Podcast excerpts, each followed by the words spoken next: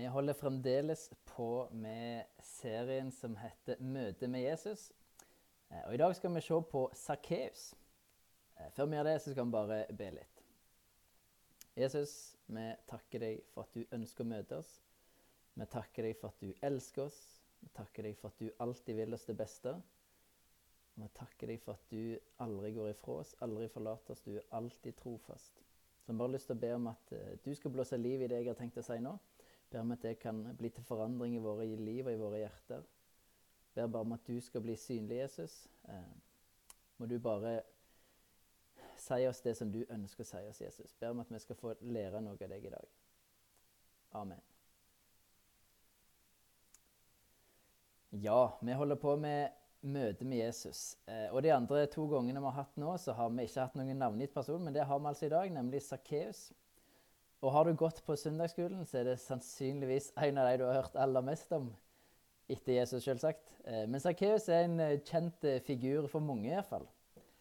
Og vi skal lese teksten, og så skal jeg prøve å hjelpe oss litt å sette oss inn i situasjonen til Sakkeus. Det er det vi prøver på. Så skal vi se litt hvordan Jesus møter Sakkeus, og hva vi kan lære av dette. Og Da leser vi fra Lukas kapittel 19 og vers 1 og til 10. Der står det Han kom inn i Jeriko og dro gjennom byen. Der var det en mann som het Sakkeus. Han var overtoller og svært rik. Han ville gjerne se hvem Jesus var, men han kunne ikke komme til for folkemengden, for han var liten av vekst. Da løp han i forveien og klatret opp i et morbærtre for å få se ham på et sted hvor han måtte komme forbi. Og da Jesus kom dit, så han opp til ham og sa, Sakkeus, skynd deg og kom ned, for i dag må jeg ta inn hos deg. Han skyndte seg da ned og tok imot ham med glede. Men alle som så det, murret og sa, han har tatt inn hos en syndig mann. Men Sakkeus sto fram og sa til Herren, Herre, halvparten av alt jeg eier, gir jeg til de fattige, og har jeg presset penger av noen, skal de få firedobbelt igjen. Da sa Jesus til ham, I dag er frelse kommet til dette huset, for også han er en Abrahams sønn. For menneskesønnen er kommet for å lete etter de bortkomne og berge dem. Så Hvis vi ser litt på denne historien, så får vi vite i begynnelsen at dette skjer i Jeriko, og at Sakkeus er en overtoller. Det vil si at Sakkeus tok en toll for romerne. Og måten dette fungerte på, var at romerne la denne tollinnsamlingen ut på anbud, sånn så, hvis vi skal tenke våre termer. Og den med det høyeste budet, den fikk liksom var den som fikk ta en toll. Og Så måtte den tolleren samle inn en fastsatt sum til romerne. Han fikk ikke lønn av romerne, men kunne ta inn så mye toll som han ville, så lenge romerne fikk det de skulle ha.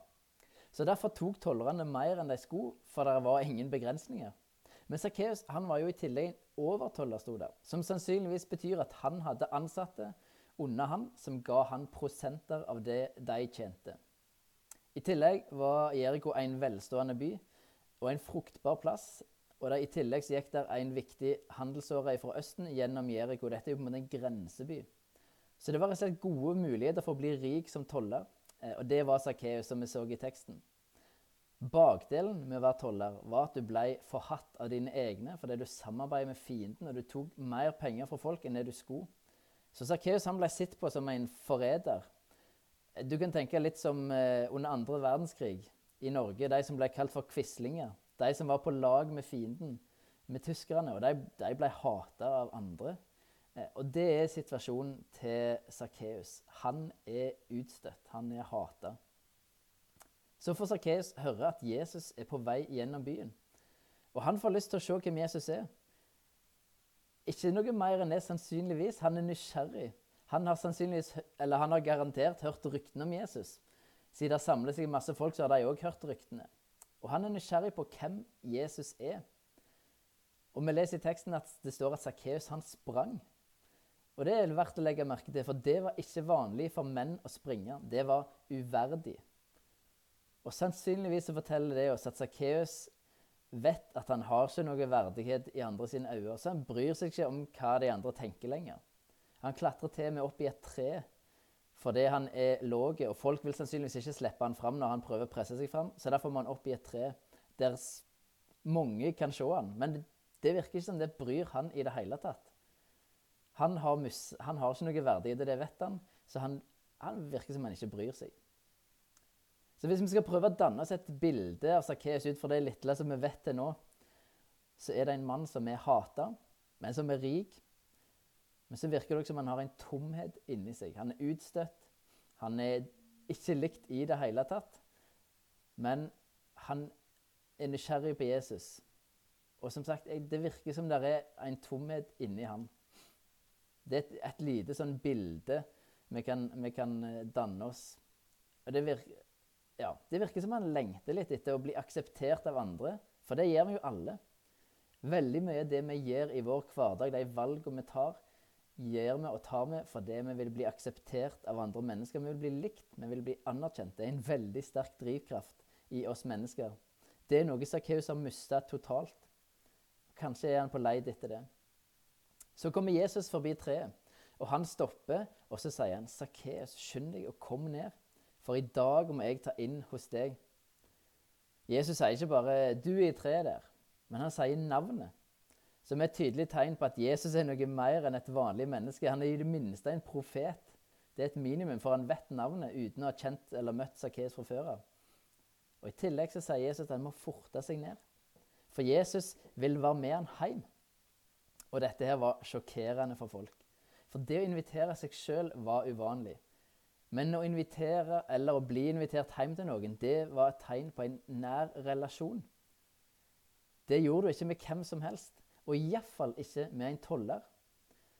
Og dette er helt Dette er mind-blowing for folket rundt så, som opplever dette. Jesus han, han siden han vet navnet på Sakkeus, så vet han òg hva han holder på med. Og allikevel så inviterer han seg sjøl hjem til Sakkeus. Han inviterer til en relasjon. Og dette er veldig viktig. Jesus han spør ikke etter hva du har gjort, Sakkeus. Han, han, spør ikke etter det. Kristenlivet begynner alltid med en ubetinga invitasjon til en relasjon med Gud. Der begynner det alltid. Ikke 'hva har du gjort', eller sånn og sånn, men det begynner med en ubetinga invitasjon, en ubetinga kjærlighet, en invitasjon til en relasjon med Gud. Og Sakkeus bryr seg ikke om hva alle andre mener eller syns. Han responderer spontant på invitasjonen. Mens alle hører på, så sier Sakkeus, 'Herre, halvparten av alt jeg eier, gir jeg til de fattige.' 'Og har jeg pressa penger av noen, skal de få firedobbelt igjen.' Og det Sakkeus gjør, at han, han refererer til, til loven i 2. Mosebok kapittel 2 og vers 22 nei, I 2. Mosebok kapittel 22 og vers 3 så står det En tyv skal gi full erstatning. Har han ingenting, skal han selge som betaling for tyveriet. Hvis det som er stjålet ennå finnes i live hos ham, enten det er en okse, et esel eller et lam, skal han gi dobbel erstatning. Så det som Sakkeus egentlig gjør, er at han reagerer instinktivt på Jesus sin nådige invitasjon med å bekjenne at han er en tjuv, og at han har synda. Og så vil han gi tilbake det dobbelte av det loven krevde. For, for, loven sa at du skulle gi tilbake dobbelt, men Sakkeus vil gi firdobbelt. Og Det som Sakkeus sier, er at Jesus, penger det betyr ikke noe lenger. Sakkeus har blitt forvandla på et øyeblikk i møte med Jesus. Sakkeus var klar. Det var ingen stolthet som holdt han tilbake. Det var ingen verdighet eller et eller annet sånt. Han var, han var på et, kanskje et slags båndnivå. Han var klar til å møte Jesus. Han var villig. Og så sier Jesus, 'I dag er frelse kommet til dette huset.' For også han er Abraham, en Abrahams sønn. For menneskesønnen er kommet for å lete etter de bortkomne og berge dem. Og Det er viktig å presisere at frelsen kom ikke pga. at Sakkeus ga penger, men frelsen kom pga. at han responderte på invitasjonen. Og dette her er ei veldig fin fortelling om hvordan Jesus leide etter mennesker. Og hva en invitasjon til relasjon kan bety. En, en ubetinga kjærlighet, invitasjon til relasjon. Hva det kan bety i et menneske sitt liv. Sakkeus som var utstøtt, kanskje ensom, han ble sett på som urein, kanskje han var tom inni seg. Han ble møtt med en invitasjon og en aksept av Gud som forandrer livet hans totalt. Og det er en nydelig historie å lese, en nydelig eksempel på hva som kan skje med mennesker i møte med Guds ubetinga kjærlighet. Så hva trenger vi å ta med oss fra dette? her? Det er sikkert mange ting vi kan ta fram, men det er noen ting som jeg vil at vi skal reflektere over. Og Det første jeg vil at uh, du skal reflektere over, er den aksepten som Sakkeus opplever, og som forandrer livet hans. Opplever du at du er akseptert av Gud? Og Det er et enormt viktig spørsmål å stille seg og reflektere over. For Bibelen er tydelig på at når du tror på Han, så er du akseptert av Gud. Men spørsmålet er vet du det i hjertet ditt. Er det en erkjennelse i hjertet ditt at Gud, han har akseptert meg? Gud, for det er greit, Gud har ikke bare tilgitt deg, men du er perfekt i Guds øyne. Du er akseptert når du tror på Jesus. Du oppfyller Guds standard gjennom de tror på Jesus. Hvis du ikke opplever den aksepten, så vil jeg du skal reflektere over hva er det som hindrer deg. Er det et feil bilde på Gud eller på deg sjøl? Reflekter over det, for den aksepten den kan forandre livet ditt. Totalt, som vi så med Sakkeus, den kan forandre livet ditt. Så reflekter over det. Det er så enormt viktig. Eh, og det kan ta tid. Vi kan vite i hodet vårt at ja, jeg vet Bibelen sier at jeg er akseptert. Og så kommer det ikke ned i hjertet. Og det er det vi trenger. Vi trenger at den kunnskapen kommer ned i hjertet og blir en del av vår identitet og forståelse av oss sjøl og av Gud. Så reflekter over det. Og hvis du, hvis du, kjenner på den aksepten, så takk Gud for den. Og vi forstår hvor ufortjent det er, og hvor utrolig det er at du er akseptert av verdens og universets skaper og hersker. Det er helt sprøtt når en begynner å reflektere over det. En annen ting som jeg vil du skal reflektere over, er noe som er ganske utfordrende, men som likevel er viktig. Og det er en del av de tingene som Jesus snakker mest om, nemlig penger.